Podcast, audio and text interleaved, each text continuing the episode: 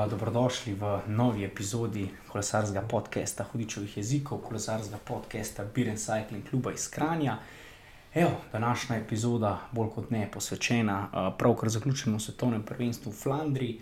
Tudi ekipa Hudičevih jezikov se je ravno vrnila z tega prvenstva v Flandriji, zato mogoče danes še uh, na nekoliko na malce slabšem glasu, no pa tudi brez najca, ki se še malo uh, oporavlja od tele Flandrije pa ima tudi neke uh, privatne obveznosti, tako da danes z vami Andraš. In Matej. In Matej, uh, kot smo rekli, mi bomo pogledali no, svetovno prvenstvo v Flandriji, pol pa sledi še napoved uh, preostanka kolesarske sezone, no, počasi se bližamo koncu teh, bomo rekli, resnih dirk, ne, nekako sledita še dva spomenika, tudi tukaj v bližini na Hrvaškem je še ena zanimiva dirka. Uh, Pogremo pa počasi, malo uh, pospravimo kolesa, pa se pripravimo za kakšne bolj zimske športe, kot je recimo ciklokros, ali pa na smočeh, ali pa kaj v tem smislu. Uh, tako da, ja, no, tej, mi smo se ravno vrnili z Flandrije. Kaj bi rekel, kakšni so tvoji vtisi? Ja, uh, Flandrija samo po sebi je res eno tako super prvenstvo in tako um, podaljšan vikend, kjer smo imeli ogromno res kvalitetnega kolesarjenja z zanimivim dirkam. Um, vemo tudi, da v Belgiji se dobi uh, zelo dober pir. Um, žal sicer drag za naše razmere, ampak um, vse to se da pretrpeti, če si gor samo en uh, res tak vikend. Um, tudi organizacija na prvenstvu, mislim, da je kar za pohvaliti, sicer um, nekaj imajo stvari, so še njih. Um, izboljšav, uh, fancona, ne se mogoče v nekaterih aspektih malo razočarala, v nekaterih um, stvarih jih je treba pohvaliti, glede same hrane in pijače. Um, je bilo vse super, glede fan uh, shopov, kar žalost, glede na to, da v petek, ko smo mi. Um, soboto soboto um, je že vse robe zmanjkalo, tako da Santini in organizatori. To je pa slabše kot ko, ko, ko, ko slovenska košarkarska reprezentanca. Ja, no. res, ker um, mi imamo za oboje. Mi da... pripravljeni v soboto tam, da navalimo na te majice in to in praktično že v soboto po ženski dirki ni ostalo nič pametnega v tem fenomenu. Ja, tako, ja. glede na to, kar je najc povedal, že v petek ni bilo tudi majic, uh, kar sem jaz glih hotel prej povedati. Uh, pa tudi pač une stvari, ki so bile zares dobre, so hitro um, pošle. Pa tudi drage so bile, konec koncev, ostali so jim še neki, uh, sicer lepi, hudi, ampak po 80 evrov um, na kosu se mi, po večini, nismo odločili za nekaj tega.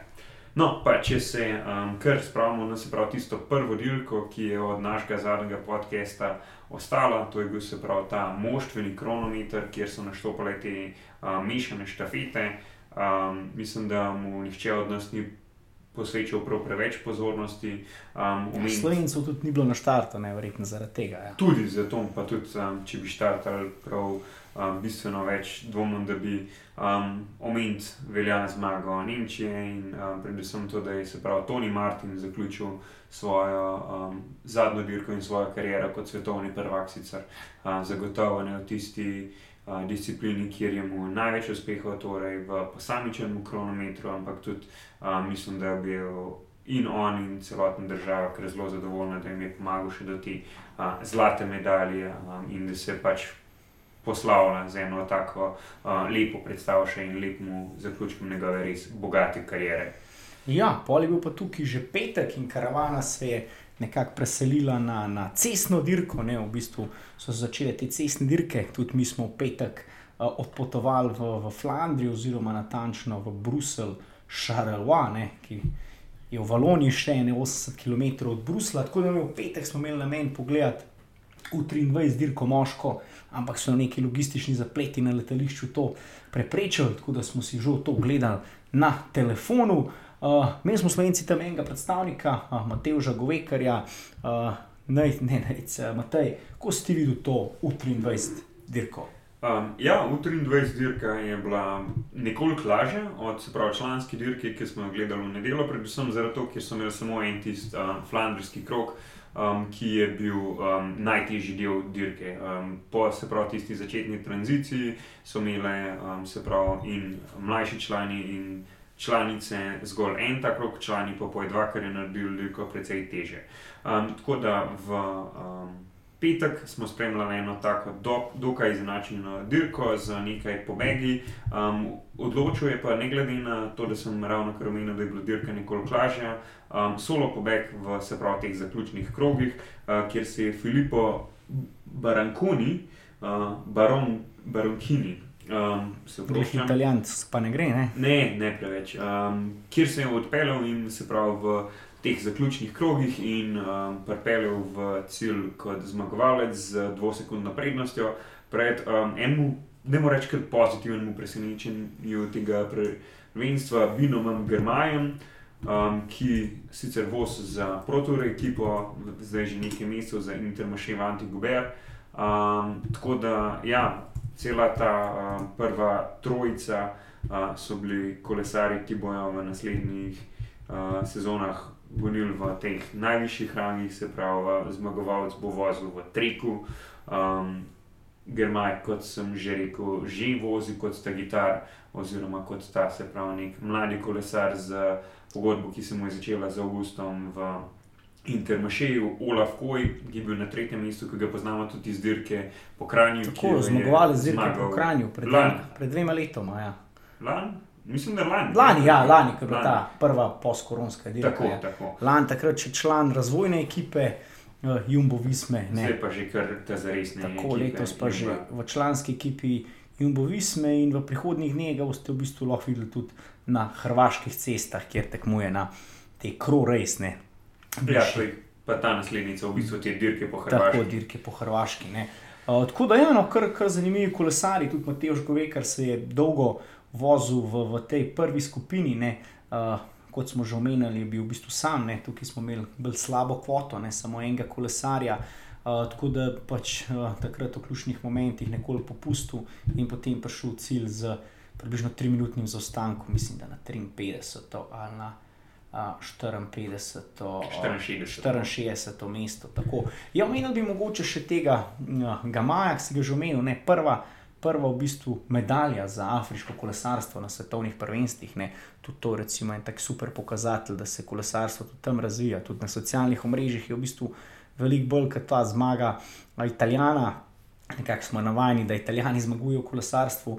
Odmevala, no, športih letos. Ja, letos smo res uh, dobro leto.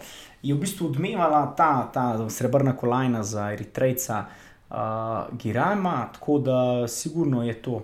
Eh, ena oseba, oziroma ti afriški kolesari so kolesari, na katere je treba računati. No, že nekaj časa jih gledamo, nekaj v peletonu, sicer bolj kot bolj imajo te obrobne vloge, ampak tudi recimo, eh, ravno teh dneh je tudi Svetovna kolesarstva zveza. Uh, se odločila, da bo naslednje svetovno prvenstvo leta 2025 potekalo v Afriki, ne, v Ruandi, tako da gre, gre kolesarstvo spet malo bolj globalno, tudi da to afriško celino pokrijemo s tem zelo zanimivim športom. Ja, um, siguren bo to še um, eno tako zanimivo prvenstvo, ampak do takrat nas čaka še kar um, nekaj prvenstv. Še nekaj prvenstv. Avstralija naslednje leto, pa potem spet Škotska, v Evropi, Škotska in Švica. Tam bo pa um, spet prisoten tudi BCC tim, tako. pa tudi v Ruando gremo. To smo se zmenili po par, uh, po par popitih belgijskih pivih, jaz upam, da. Da to velane, da se vidimo v Ruandi. Ok, napeto se je počasi počas stopnjevala, v soboto je tudi nam uh, uh, uspelo priti iz Brusla, kjer smo bili nastanjeni v nekaj kilometrov, uh, potem oddaljeni Luven. Uh, prva dirka je bila že v bistvu zelo zgodaj zjutraj, no? so štartale mladinke, samo po tej uh, luvenski progi, ne? brez, uh, brez tistih začetnega transferja za Antwerpen, pa tudi brez tega uh, flandrijskega kroga. Tukaj mogoče ne bi izgubila prav veliko besed, omenili bi mogoče sem za zmagovalko, ki ima uh, zelo zanimiv in kolesarski ne, to je Zoe Beckstedt ki je v bistvu hčerka bivšega vrhunskega a, kolesarja Magnusa Becksteda, ki ima pa zdaj. Verjetno bi ga, ne vem, sploh mlajši ljubitelji kolesarstva, ki se ga ne spomnite z ceste, prepoznali bolj po glasu, ker zdaj dela kot strokovni komentator uh, za Eurosport in prenaša vse te največje, največje dirke. Je zanimivo, no, je komentiral uh, tudi to dirko mladinki in lahko pogledate si na socialnih omrežjih, kako uh, čustveno je reagiral na to uh, zmago hčerke Zoe, ki je takrat spadala sicer v nek tak, bomo rekli, širši krok favoritin, ni bila pa jih neka ena favoritinja za to zmago. Da, uh, že z tega vidika, no, uh, zanimivo bomo rekli na ključe, oziroma zanimiva ta sorodstvena navezava. Ne. Ja, um, ženska članska dirka, pa kot sem že prej pač omenil, um, z praktično enako dirko kot uh, U23 dirka, torej za eno flandrijskemu uh, krogom in potem tem zaključnim krogi v Luvnu.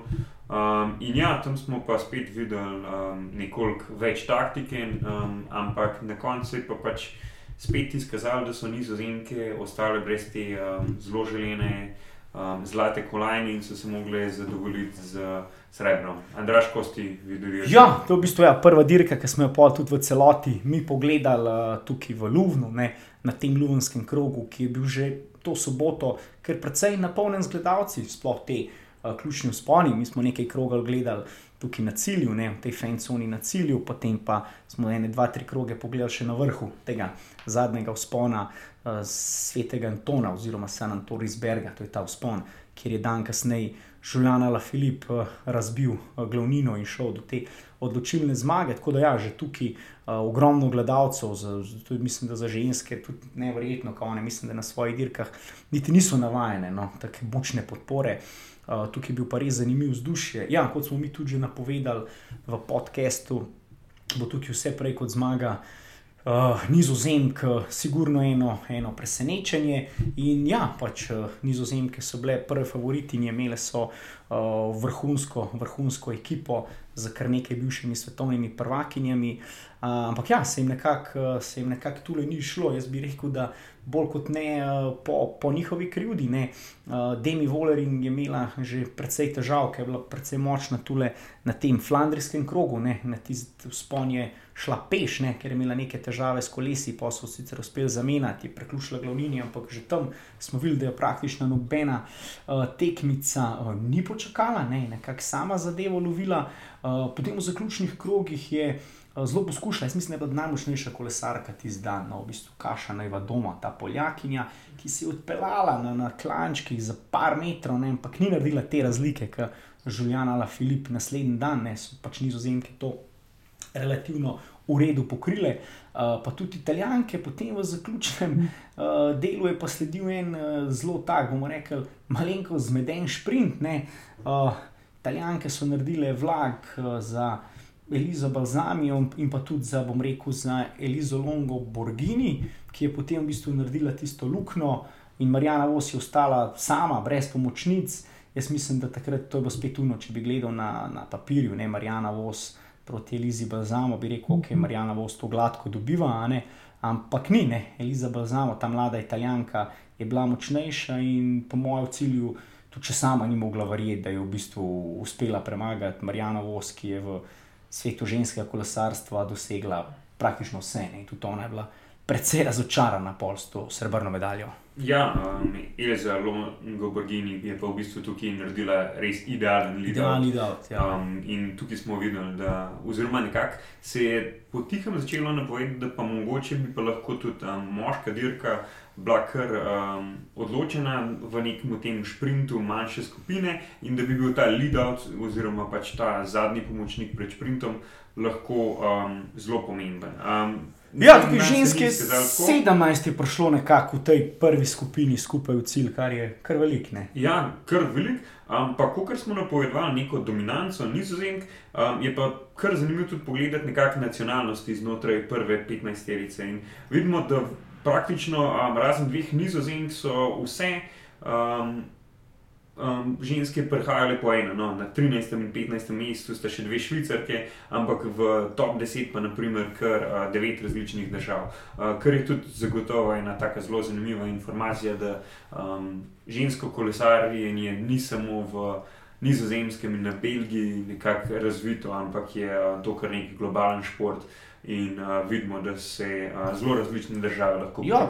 za najvišje mesta. Se razvijajo, potem na sicer ja, potem že kmalo na 18. in 19. mestu, potem Elen van Dijk, ki je v zadnjih krogih poskušala z napadom, ne, tri kolesarke so takrat malo pelale, pa so jo nizozemke ulovile, uh, ti zbek. Uh, pa ja, tukaj še nekaj zanimivih kolesark, no, recimo tudi uh, olimpijska medalistka iz Mountain Bike, ne, Sina Fraj na 15. mestu ta moj outside bet, ne ta mlada uh, Kata Blanka Vaš, ki je na olimpijske igre v Mountain Bikeu končala na uh, četrtem mestu, tudi tukaj na četrtem mestu, spet izven medalje, ampak glede na to, da ima še 20 let, Jaz šele 20 let, jaz mislim, da bomo v njej še veliko slišali. Pa kar solidna vožnja slovenk, ne? sploh špela Keren je bila dolgo, dolgo v tej najmočnejši skupini, pa je potem v zadnjem krogu ali zadnjih krogih malenkost popustila, pa potem končala na 28. mestu. Ne?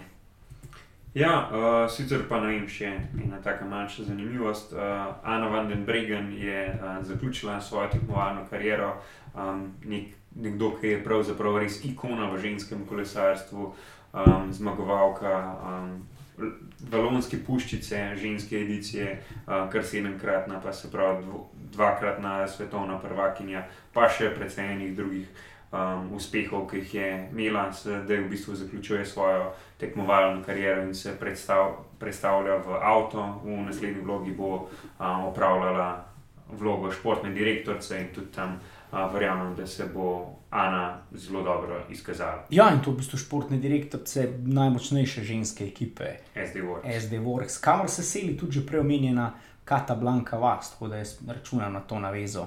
Da bo naredila še marsikaj na cesti. Ok, v soboto smo potem raziskali tudi Luven, tudi uh, center Luna. Res je bilo no, zanimivo, ker praktično v vseh lokalih, že v Bruslu, sploh po Lunu, se je govorilo v bistvu samo o kolesarstvu, kdo bo zmagal, kakšen bo razplet, kakšne so napovedi, koliko bo ljudi, ne nekako Belgijci so zelo, zelo računali, kaj je naval ta vanerta. Eh, zelo spoštljivo so govorili tudi o Mataju Mohoriču, Mars dolgo je omenjal, pa ne samo zato, še prej ne zvijo, da smo mi Slovence kot enega najmočnejših izzivalcev tule. Ne. In uh, ja, no, kar nekaj časa smo se zadržali v Lunu, ampak uh, ni bilo časa za počitek. Ne. Naslednji dan smo mogli zgoditi vstati in pa iti na ta vrhunc, ne, na moško cestno dirko, ki pa je bila feno, fenomenalna, sploh z vidika navijačev. Ja, super, res. Um, Omenili smo že pač vse dogajanje v progi, ampak um, sama dirka si pa res zasluži presežke v vseh pogledih. Um, redko vidiš dirko, ki se začne tako že um, zelo konkretno odvijati 170 km do cilja. Um, Mrsi katera dirka sploh ni tako dolga, da bi se to teoretično lahko zgodilo. Uh, tukaj smo pa res že videli v bistvu prve, zelo resne napade, tudi uh, kolesarjev, ki so spadali v ta širši krog favoritov, praktično na prvem flandrskem krogu um, ko smo vsi mislili, da je dirka pravzaprav še po vojih um, in smo jo spremljali tako kot le z enim očesom, se je zgodil en tak um, napad, kjer sta um, dva kolesarja, ki smo jih uvrščali v res ta krok favoritov, torej um, Kaspar Razgrin in um, Francos, aj bil Koznefroa. Uh, ja, mislim, da je bil Benoit kot nefroa. Jaz sem ta napad doživel v vrsti za šankom, ki se je kar naenkrat en dan tam začel dreti.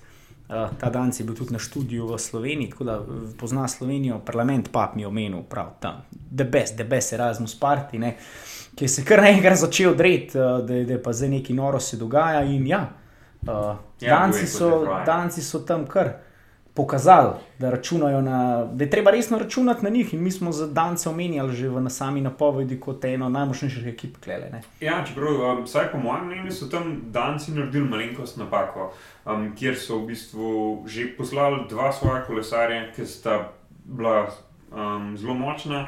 V ta beg, ne vem zakaj točno so to naredili, um, ali so mogoče oni dva mislili, da je ta beg še mogoče bolj resen, kot se je kasneje izkazal. Uh, ampak tam je bil tudi uh, Renko Evenpol, tako da sigurno ni bil to nedolžen beg. Um, in videli smo, da je Renko tudi po tekom cele dirke zelo um, močno dirkal.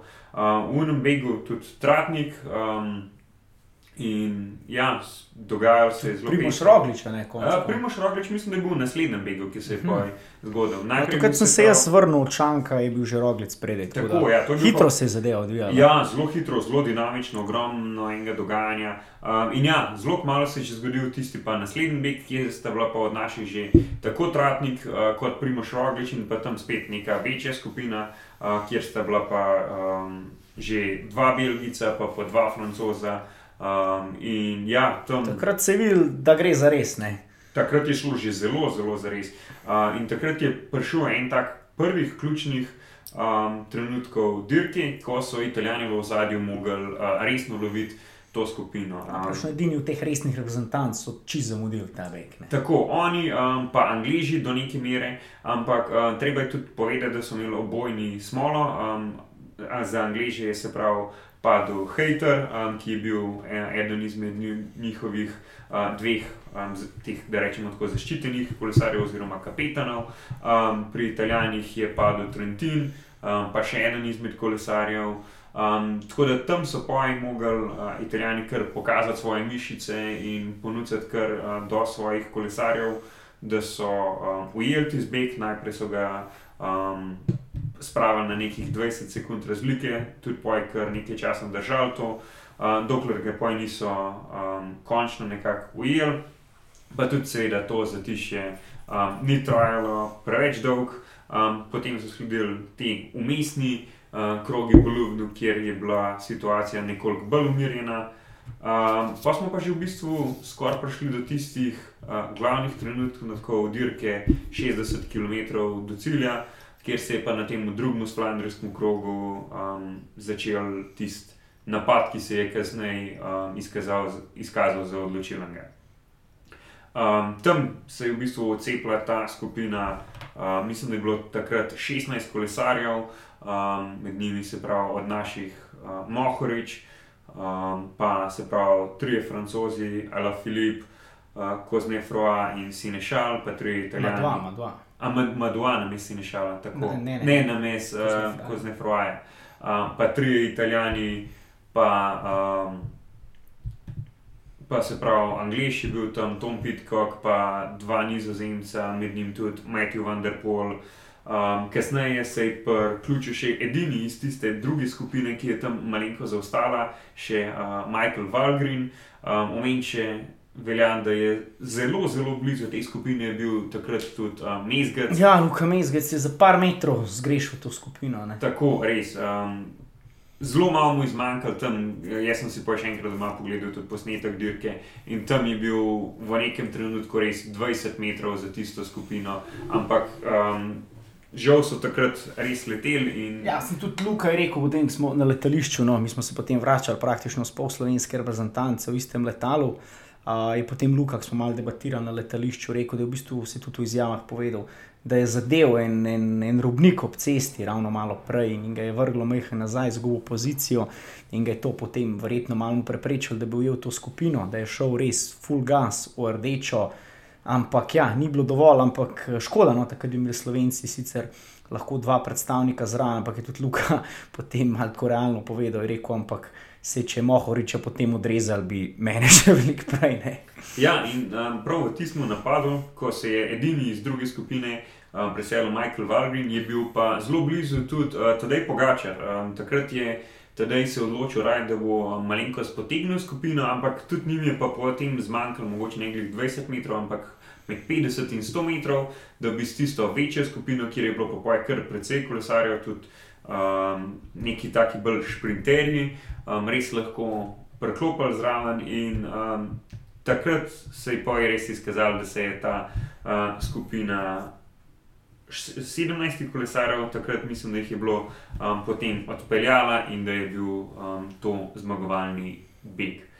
Um, nekaj malega se je še dogajalo, um, tam na Flandrijskem krogu je še enkrat poskusil Ala Filip, um, takrat mu je zraven priključil le Kolbreli, ampak sta se že po mogoče 100 ali pa 200 metrih um, malo spogledala, počakala in skupina je spet prišla skupaj, um, vse dokler niso v bistvu prvič pripeljali čez to um, ciljno črto v Ljubno. Posta se pa začela te dva zadnja kroga, ki sta bila pa praktično res polna dogajanja. Um, že se pravi, v tem predzadnjem krogu se je začel z napadi Juliana ali Filipa, ki je bil um, zelo očitno špičen in zelo um, pripravljen na to, da napada, dokler ne stre konkurence. In že um, ko se je na enega izmed teh klancev v um, predzadnjem krogu pospešil, je Matej še komaj priključil, ko je pospešil naslednjič.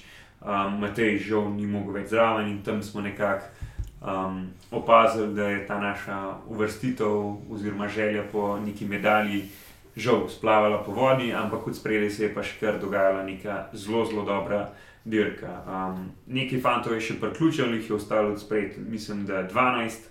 Um, potem pa že čez nekaj kilometrov še en napad Ala Filipa, zmanjkal je še en kolesar, um, in pa potem tisti tretji napad, kjer se je pa praktično odpeljal. Um, in zasledovalci ga niso več videli. Um, za njim se je izoblikovala še ena skupina, uh, štirih, Dylan van Barle, Jasper Stuyven, uh, Mikel Valgren in izredno močni tudi um, Nilsen Powells. Um, oni so nekako poskušali z lovljenjem Ala Filipa, ampak uh, ko je enkrat Julian dobil tistih uh, 10 sekund, um, so se tudi oni malenkost pogledali, um, ker naenkrat je ta um, razlika narasla na 17 sekund, in potem ni več padla do konca, ko je Julian ali Filip v cilj pripeljal z 32 sekundami.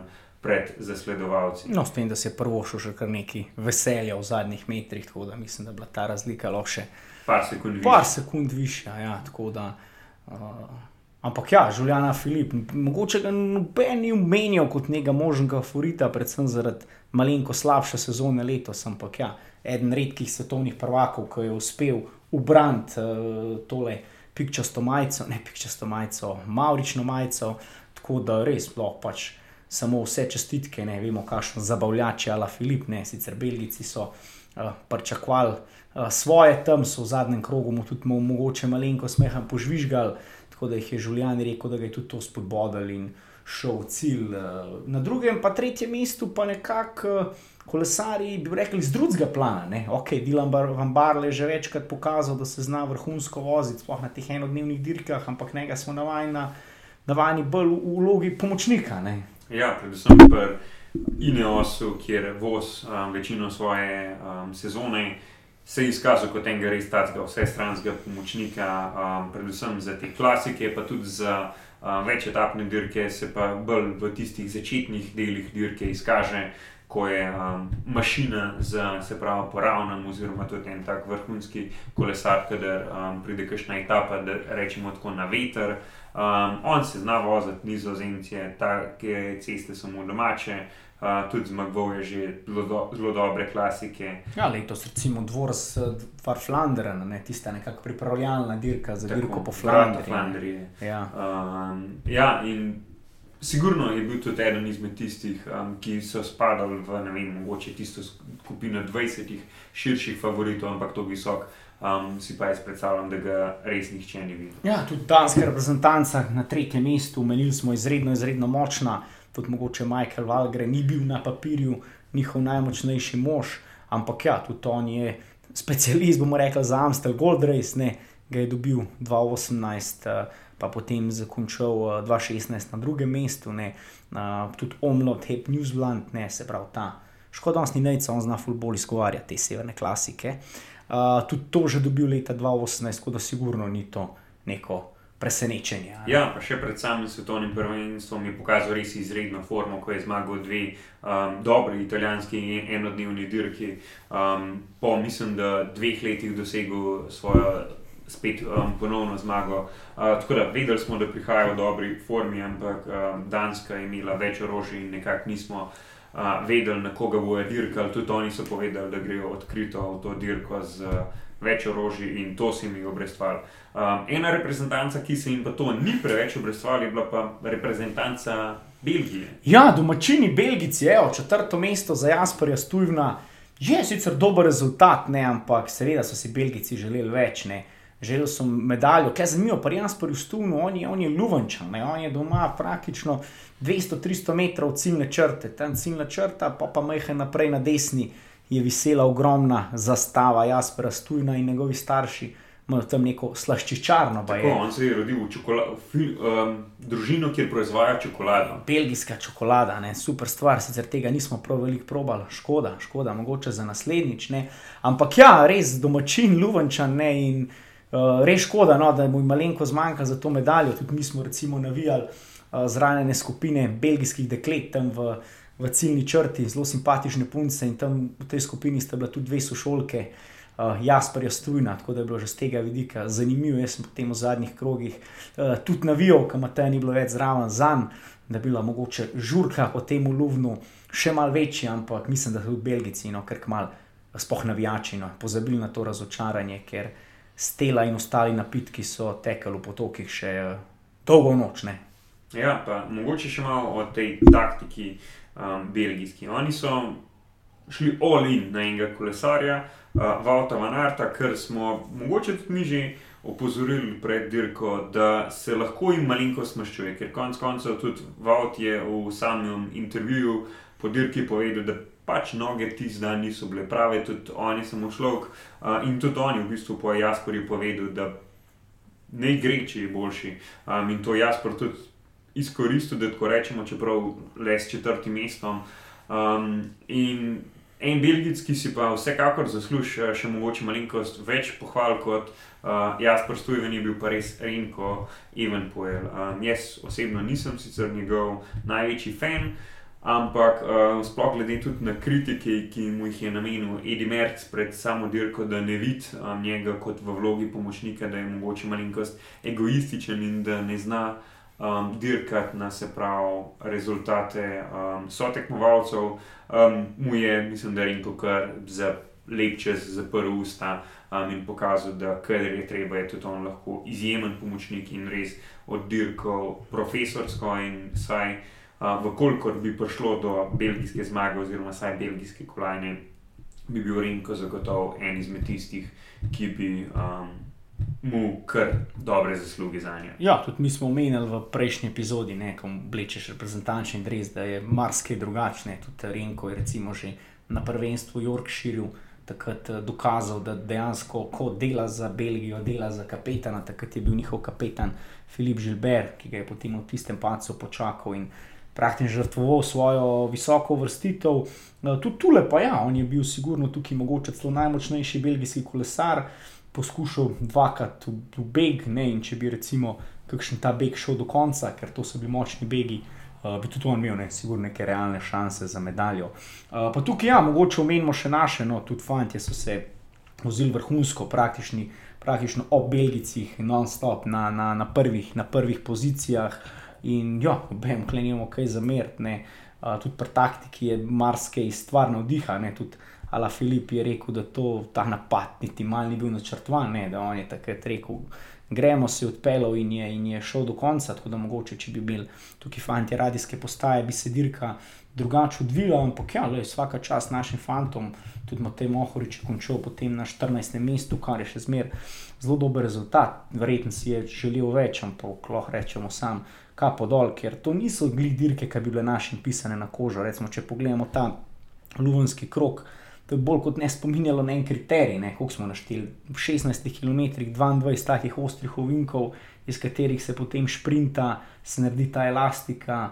In če se ne bojimo, da našim bolj ustrezajo mogoče te Alpe, Pirineji, dolgi sponi, tukaj pa pač tega ni bilo. Tako da za tako traso bi rekel, ok, Matej si je verjetno želel več, ampak kljub temu, jaz sem zelo zadovoljen. No. Ja, um, tudi Pač jaz mislim, da če samo dirkanje naših nimamo, blih nobenih pripomb. Um, res vsi so dirkali vrhunsko, porek Mateja na 14. mestu, tudi če je Jan Polanc končal na 18. mestu, kar je tudi konec koncev lep dosežek v 20-terici. Um, pa potem um, tudi ostali fanti, ki so dirkali, Luka smo že omenili, da mu je tam zgolj malenko zmanjkalo, da bi priključil prvi skupini in verjamem, da bi se tam lahko dirka tudi drugače odvila, če bi imeli dva kolesarja v tej prvi skupini.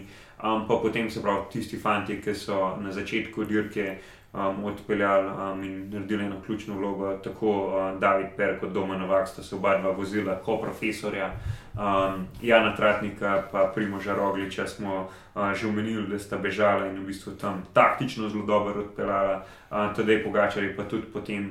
Uh, se pravi, tam ob tem ključnem napadu poskušal, da bi zraven priključil, oziroma zraven uh, potegnil Luko in Jana uh, Polanca, da bi pač um, malenkost lahko pomagali Mateju Mohoriču, ampak um, žal je bila situacija, da se to ni šlo. Tako da um, To. Rezultatskega vidika, mogoče malenkost razočaranje, z taktičnega vidika, pa mislim, da so naši fanti odpeljali skoraj da idealno dirko, razen tega, da so bile pač na koncu um, noge preslabe, ampak to pa nekaj, na kar res ne moreš. No, 100%. Moramo jih pohvaliti tudi za vrhunski pregled na dirko in ob dirki, ne, ker v bistvu v prvem prečkanju ciljne črte v Luvnu so opazili naše zastave, našo glasno navijanje, tako je praktično cela reprezentanca z tistih prvih pozicij pomahala.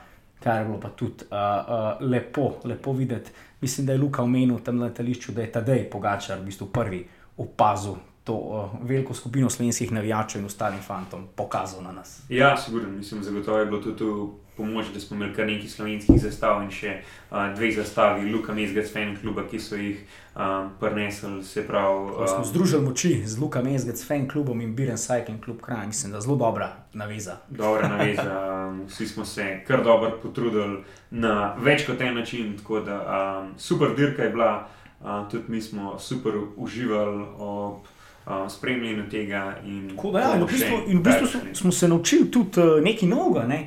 ker v bistvu, veste, na teh dirkah so doska te, ogromno vidite teh flamskih zastav, ne se pravi rumena podlaga in nek črn, ta flamski leogor, in nam valjda vse te zastave izgledajo isto, ne? ampak so nam tam, evo, ravno te uh, sošolke, Jaspera Stujna, da jih tako pomenujemo, razložile, da v bistvu prava flamska zastava je flamska zastava, kjer ima ta flamski leogor rdeče kremple in pa rdeč ogenčah puha iz ustne. Če pa ima kremple črne in tega ogenčka na ustih ni, gre pa za zastavo nekih flamskih nacionalističnih strank, ki so jih tam zelo veselo talal, nevednim tujcem, ne, in so oni potem uh, s tem uh, okol mahali, kar je verjetno moglo za poučene uh, Belgice izpasti dosti čudno, kot da bi prnem en uh, na kolesarski dirki mahal zastavo, ne vem, SD-ja.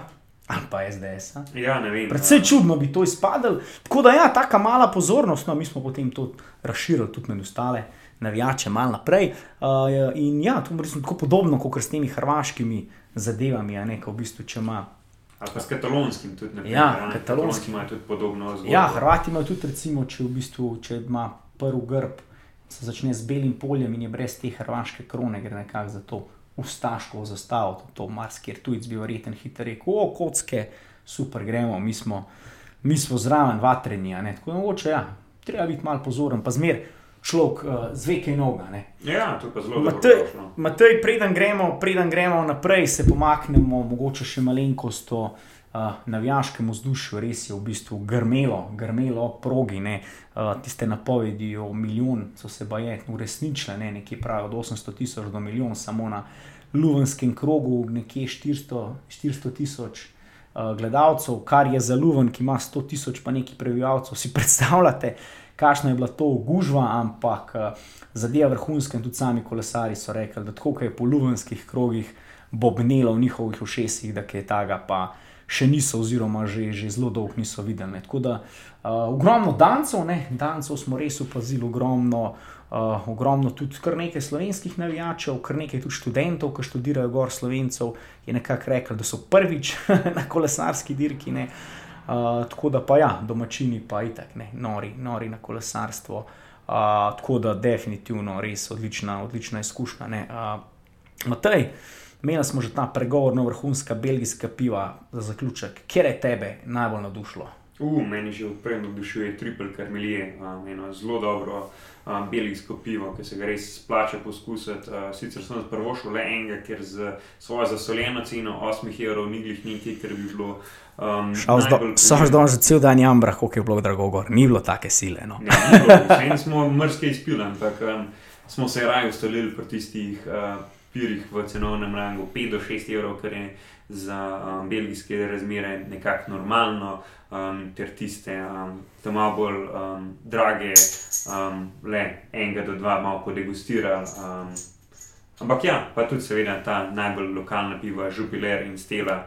Um, ja, lepo tekla v potokih. Stelar tva je pravzaprav pivovarna iz Luvna, ne? ko prideš z vlakom v Luven, na desni strani so odpre pogled na to veliko pivovarno in v bistvu ja, Stela je tam dejansko uh, tekla posod v potokih, tudi ta najbolj piten, lager pivo. Ja, ampak uh, uradno pivo na prizorišču je bil pa Župiler, ker um, je bilo pa kar zanimivo, glede na to. Ne, ne, Župiler je Ja, bil. Jupiler je bil tam, ampak sem štanti so- stela kozarci, ker mislim, da je to ipak ista fabrika, kot pa nam. Možno, možno, ampak um, praktično vsi štanti tam so bili pa zgolj uh, pobrendirani župiler, uh, tako da so tam točili to pivo, kar je bilo vsaj malenkost nenavadno, glede na to, da je Ljuven praktično dom stele, glede na. Um, Ja, ampak se spomnim, da je bilo kar veliko ko- stela kozarcev, tako da jaz Oba. bi rekel, skoraj skoraj verjetno, da je to neka ista grupacija. Uh, v naši, v naši, v naši uh, navijaški skupini je bil pa zelo, uh, zelo se je prijel hit uh, pivo, spalček smuk, ne smo ga imenovali. Uj, ja, je tudi dober. Lašuf, a kako bi to? Šuf, mislim, da je. Lašuf uh, s takim palčkom, tako da, Majhni rumeni piks. Majhni rumeni palček. tako da palček smuk uh, te poboža, potem malo kasneje uh, smo uh, ugotovili tudi uh, sami. Ne. Tako da, ja, Belgijo zapuščamo z vrhunskimi vtisi, ne, kot smo rekli, no, tudi za piko na i smo bili praktično na letališču, oziroma na letalu, s katerim smo se vračali v domovino. S pol slovenske reprezentance in spremljalnim osebjem, tako da smo še tam lahko malo na hitro poklepetali, čeprav so bili kolesari, no pa tudi mi tam že kar precej utrujeni. Ja, naporen je vikend bil, ne samo za kolesarje, tudi za nas. Uh, sicer mogoče iz malenkost drugačnih razlogov, ampak uh, nič ne de, gremo naprej. In, um, čeprav so včasih rekli, da se po svetovnem prvenstvu nekako um, sezona že skoraj da zaključuje in da je edina tista zares resna dirka samo še. Um, italijanska, uh, italijanski spomenik, dirka po Lombardiji, pa letos ni tako. Uh, letos nas čakata še dva spomenika, um, poleg se pravi dirke po Lombardiji, ki nas čaka uh, v soboto 9. Um, je še predtem uh, v nedeljo 3. oktobra um, dirka Pariz-Rubi, ki Tako. se tradicionalno sicer odvija spomladi. Ja, Pariz Rubej se vrača, no neverjetno. To je praktično edina ta večja kolesarska dirka, ki jo od leta 2019 nismo gledali. Ne. Vemo, da je bila tista sezona 2020 zelo vprašljiva, ampak so nekako vsaj, vsaj te največje dirke vse uspeli rešiti z nekimi alternativnimi termini, potem od 1. avgusta dalje. Uh, sezona potem letošnja je kar potekala bolj kot ne po planu, v tistem prvem delu še bolj kot ne brez gledalcev, potem so se pa nekako gledalci uh, kar začeli vračati ob ceste, ampak ja, Pariz Rubej je pa odpadel ne? in leta. Uh, In leta potem 2019 niso najdli nadomestnega termina, je nadomestni termin, bil tako pozno, da se je že situacija 2020. 2020, situacija precej zaustrila, in pa tudi uh, potem uh, letos je bila v tistem rednem uh, terminu situacija s koronavirusom na tem severu uh, Francije, kjer so v bistvu zaključ dirka blizu Lila in Rubeja, tako slaba, da so dirko prestavili v ta termin. Ampak ja, zelo zanimivo, da se ohranja ta, bomo rekli, tradicionalni flamski moment, ne, ker ta dirka si nekako sledi. Najprej dirka po Flandriji, nekje v začetku aprila, pa potem naslednji teden Pariz, Rubej. Uh, to ponovadi pri nam pride okoli velike noči, se spomnim, da doskrat jem eh, ta velikonočna jajca in gledam Pariz, Rubej. Letos pa je en teden po svetovnem prvenstvu, ki je prav tako potekal v Flandriji, se Pariz, Rubej ponovno vla, vrača, s to bomo rekli. Uh, relativno uh, klasično, klasično traso, ampak ja, na taki dirki, jaz mislim, da nimaš kaj spremenjati, niti nimaš kaj uh, eksperimentirati. Ne. To je dirka, uh, ki nima nekih klancev, nima nekih teh usponov, znana je pa po tlakovanih odsekih. Ne. Tukaj kolesari prevozijo 30 tlakovanih odsekov. Uh, in niso to tlakovci, niso to kocke, ki smo jih mogoče iz Slovenije navajeni ali pa tle krančanju, okoli globusa ali pa čas nalinovih klancev. To so praktično neke stare traktorske poti, kjer so bolj kot ne neke take orng skale zabite v pot in pol, ko tam preletiš 30, pa neki 40 na tist, treseke hodične. Ja, in tudi um, imaš prav fejne te dirke, ki skrbijo, da ti tlakovani odseki ostanejo čim bolj uh, podobni tistemu nekemu začetnemu stanju. In tudi um, skrbijo res lepo, vsaj za te glavne odseke, da jih vsako leto obnavljajo. Um, da skrbijo, da niso predobri in ne preslabi, da se prav lahko zagotovijo neko tako um, pošteno dirko. Um, čeprav vemo, da mogoče je taka nehvaležna dirka v tem smislu nekega poštenja, ker vemo, da dirko zelo pogosto, uh, krojijo neki defekti, se pravi počene zračnice, um, zlomljene obroči in uh, še podobne uh, prigode, ampak to je nek sestavni del kolesarstva. Del kolesarstva, del te dirke. Ne? Ja, dirka v bistvu štarta v Kompajnu, ne v Parizu. Ne? Se pravi, če bo kdo zdaj šel v Pariz te dni in bo tam iskal štart dirke, uh, morate malo bolj proti severu, proti Kompajnu. Uh, ampak ja, mogoče ime Kompajn, Rubej, niti ne bi zdelo se tako zanimivo. Ne? No, tako smo se zabavali, mi, ki smo leteli še Lalvaja, tudi to je približno 80 km iz Brusla, pa je še zmeraj Bruselj, South. Ne.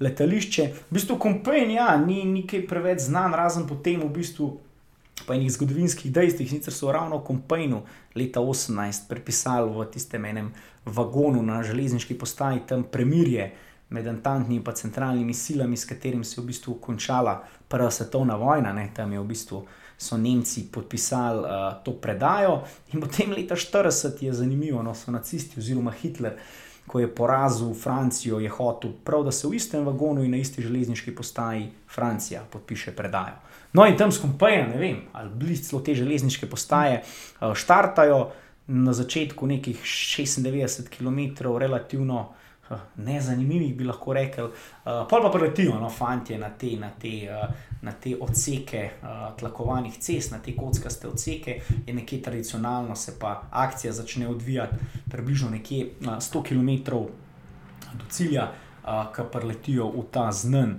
Znamenit odsek uh, kock na Armberškem gozdu, ne? to si mogoče pogooglejte, je res uh, so vrhunski posnetki, ker to je najbolj, bom rekel, legendarni odsek te trase in od tam naprej pa ponavadi na polno in v cilj, kljub temu, da praktično nekih, bomo rekli, višinskih metrov na tej dirki ni, ponavadi pride solo, dva, tri. Jaz se ne spomnim, da bi kdaj več kot štiri oziroma pet skupaj prišlo v cilj, ki je pa v bistvu ironično na velodromu v Rubeju, ne? tako da zaključijo pa na čist, bomo rekli, gladki, gladki podlagi. In potem, če pride malo večja skupina, se tudi pošprinta na tistem velodromu in marzdo je že znov to klančino velodromsko izkoristiti tudi za dober sprint. Uh, ja, Rube je v bistvu uh, severno od Lila, danes bolj kot ne že predmestje uh, Lila, ampak če boste kdaj v Lilu, uh, v Rubeju, dejansko ni videti uh, čist nič drugega kot ta velodrom. Jaz sem enkrat bil tam, pa sem naredil napako. Sem rekel, gremo robe pogledati, to je zelo zanimivo mesto, pa res robe, top dirka. Ne? In uh, ja, to, ko bi prišli recimo v krajino na planino, sam tam sred planine bi bil en uh, velik velodrom, ki se ga pa definitivno splača pogledati. Uh, ja, na, na štartni listi pa kar neki opasnih imen. Ne? Ja, um, prvi favorit zdaj. Končanje dirke, uh, Vodva Nerd, bo tam pa Matthew Van Der Poel, uh, pa se pravi, poleg njega iz Alpic in Phoenixa, še Tim Melije in pa Jasper Philipsen, oba dva sta zdaj v vrhunski formi. Um, tako da bo ta siguren, um, zelo močna, pa potem zelo močen dekvenik Quick Step z Florianom Senešalom, ki je zdaj končal v deseterici, um, in pa Kasperjem Asgrenom in pa Jusom Lamperjem, ki sta se oba dva izjemno spet dir vozila na tej, se pravi, um, dirki svetovnega prvenstva, pa potem Dylan Van Barle, pa Mateo Trentin, ki mu se pravi nekaj smole na tej dirki z Paci in je potem se dal v to vlogo pomočnika. Um, pa ne vem, to od naših tudi Matej Mohorič. To je Mohorič. Ta ja. dirka načeloma bi lahko ustrezala. Ja, mogoče malenkost presuh za to dirko, ne? to dirko načeloma zmagujejo kar taki orang kolesari. Ja, se strinjam, ampak um, v pravi kombinaciji ne bo si govoril zdaj tukaj v tej ožji skupini favoritov, ampak um, tam pa če pa pogledamo že neko to skupino. Um, razširjeno skupino 10-15 favoritov, pa mislim, da lahko že kar um, tja vrstimo tudi Mateja, um, ki bo tam sigurno za zelo močno ekipo Bahrajna, um, kjer bo tudi se prav Sony Corbrelli in mislim, da bo sta en tak udaren par, ki bo lahko eh, kar zelo dobro krojil dirko. Sony mogoče, ja, tip malo bolj tega. Oren kolesarja za, za tako dirko, kot si rekel, ja, tudi Matej, tle zna biti visoko. Mogoče bi od stalih zanimivih imen, eh, jaz omenil samo še ja, našega uh, favorita, uh, ponavadi, kot smo že rekli, najljubšega tujega kolesarja, Stefana Kunga, ne, uh, ki je tudi se ponavadi že zelo dobro znal voziti na takih dirkah, ki zahtevajo take, bolj rekel, oren kolesarje. Ne. In pa, uh, ja, zmago brani sicer Filip Žilber, ne, ni pokazal, ni pokazal veliko v letošnji sezoni, ampak ja, take dirke se doska dobijo na izkušnje. Ne rečem, da bo Filip Žilber v krogu najboljših favoritov, ampak sigurno z enim mučem uh, se splača pogledati tudi uh, bivšega zmagovalca. Uh, pa še en kolesar, ki ga je res, res vredno uh, spremljati, Dinek Štibar. Um, tudi zdaj spet na svetovnem prvenstvu, izjemen, um, tudi on bo v tej zelo močni ekipi, Dekvenik, Quick Step. In tudi on je bil v bistvu enkrat že um, na poti do zmage, pa mu je potem padec uh, v zadnjem ali pa pred zadnjem odseku um, pokvaril tisto zelo dobro vrstitev, nekaj let nazaj že. Uh, tako da tudi on bo nekdo, na katerega se splača spremljati. Ja, pa na štartu v bistvu tudi uh, Dušan Rajovič, ne, uh, srpski kolesar, ki zdaj vozi za ekipo, francosko ekipo Delko. Omenjamo ga pa zato, ker smo ga kar dolgo v bistvu logili na slovenskih cestah. Ne. Tri sezone v bistvu se je uveljavil kot uh, dober kolesar, kot kolesar za uh, zmage pr, pr na uh, moštvu Adrija Mobilne, tako da jo tudi Dušanu uh, želimo vse najboljše na tej dirki. Ne. Ja, omenjali smo uh, slovenske ceste, omenjali smo tudi hrvaške ceste, pa ne moremo si pogledati mogoče še um, se pravi to dirko po Hrvaški, ki bo se pravi zdaj od uh, ponedeljka pa do um, sobote, uh, pardon, od torka pa do nedelje, šest etap um, jo bomo lahko spremljali po praktično večini Hrvaške. Um, razgibane etape bojo um, in tudi imamo kar zelo um, zanimivo zasedbo ekip, od nekaj protur ekip do se pravi ekip kontinentalne ravni, med njimi tudi se pravi Adrian Mobil, um, ki prihaja tja z se pravi neko ekipo malo bolj mladih kolesarjev. Uh, ki bojo iskali svoje priložnosti, večkrat že letos omenjeni Kristjan Hočevar, bo verjetno eden izmed tistih favoritov za uh, dobro generalno vrstitev, ampak uh, mislim, da bomo tudi kar nekaj zelo močnih konkurentov za visoko generalno vrstitev. Um, tu bo sigurno um, Tobias Foss, ki se letos uh, vozi zelo dobro, uh, pa mogoče še uh, Simon Yates, za katerega vemo, da je um, vrhunski kolesar. Um, pa sigurno se bo najdel tudi kakšen kolesar iz ekipe Androni, Džekatoli, um, ki je um, praktično vedno pripeljala na um, te dirke um, nekoga, ki je dirkal na skupen rezultat, pa nekoga, ki je bil zelo močen v sprintih. Um, pa, ukolikor se bo dobro vozil, pa videli smo tudi, uh, da se zna naš doma Novak, ki ima ob sebi tudi še. Marka Paduna. Tako da um, kar nekaj takih zelo zanimivih imen bomo spremljali na tej dirki, ki pa konec koncev tudi tako blizu, da okolikor si um, vzamete kakšen prost dan, lahko greste tudi če pogledate, kakšno je. Ja, v bistvu niti mogoče ne rabite prostega dneva, ne, ker uh, kraljevska etapa uh, bo na sporedu v. V soboto, ne, ekipa Dirka se je začela danes, se pravi v torek, z eno ronjinsko etapo v Slavoniji, ne, od Osijeka do, potem, do Varaždina, kjer je v bistvu eno, da je zmagal Phil Bauhaus pred Olafom Kojem, smo ga prej omenjali, uh, ki je v bistvu uh, bil tretji na teh 23 dirki na svetovnem prvenstvu. Uh, potem smo se kolesari, mehen. Preden nadaljuješ, uh, mogoče še ena taka. Um, zanimivost, ki se um, sicer ni tako zelo veliko govorila po teh zaresnih menjih, ampak Twitter je pa kar danes eksplodiral tej, ob tej zmagi Filipa Bauhausa, ki je um, kar zelo očitno spremenil smer v uh, ciljnem sprintu in zelo uviril Olafa Koja, ki je mogel praktično 25 metrov do cilja konkretno stopiti na bremze um, in tako najverjetneje tudi ja. izgubil um, zmago. Uh, Filijo je pa odnesel praktično brez sankcij in tudi tukaj um, smo lahko malenko zvideli neko to dvoličnost UCI-ja, ki vkolikor do paca ne pride, um, ne reagira tako, kot bi bilo sicer mogoče, kdaj je potrebno. Ja, v UCI-ju smo že veliko govorili, da tle res se rabijo kakšne reforme v tej organizaciji. Ja. Tako da, ja, dirka bo potem jutra zavila, mogoče slovence, niti ne tako poznano to krajino, ne tam okoli Sluna in Otoča, potem pa sledita dva dni uh, po morju, ne, če ste kje na morju, evo, Primošten Makarska, potem v četrtek, uh, sprav taka dalmatinska etapa, pa potem v petek od Zadra grejo nazaj na sever proti Crikvenici, in pa potem v soboto ta kraljevska etapa, jaz sem omenil, da mogoče niti ne rabite, uh, Frejd dneva, ne. Etapa štarta v Rabcu oziroma v Labinu in se potem preko Učke, ne se pravi, kraljevska etapa, ki gre čez, čez Učko, uh, se potem kolesari spustijo uh, v opatijo. In potem uh, po teh uh, hribčkih nad opatijo in reko naredijo še en krog, če nekaj krajših gorskih ciljev, spustijo dol v reko in pa cilj opatiji, ne? se pravi, slovencem se mi zdi uh, zelo zelo poznani konci, če tekejo v tistih koncih, pejte mogoče stisniti pesti tudi za naše kolesarje, in pa ja, se potem zaključi dirka uh, v nedeljo z eno tako boroninsko etapo s ciljem v Zagrebu. Ne? Se pravi, Adrian Mobil, uh, to je v bistvu ena taka dirka, kjer se fanti iz Adrije, poleg ja, reka, dirke po Sloveniji, lahko pomerijo. Z največjimi svetovnimi ekipami. Včasih mislim, da je Adrija še Turčijo vozila, kjer so tudi nastopale zelo dobre ekipe, Protura, pa je zadnja leta nisem zasledil. Tako da odlična priložnost za te uh, mlade fante, Adrijo Mobil smo že omenjali, je precej pomladila za sedmo letos, tako da, da se preizkusijo tudi na, uh, rekel, na dirki z, z najmočnejšimi fanti. Ja, um, mogoče tudi v luči tega, ker je bilo. Um, zdaj, po samem dirkanju v uh, Belgiji, omenjeno, da mogoče nam za to člansko reprezentanco ma, seva malenkost luknja teh kolesarjev v U23 in v mlajših kategorijah.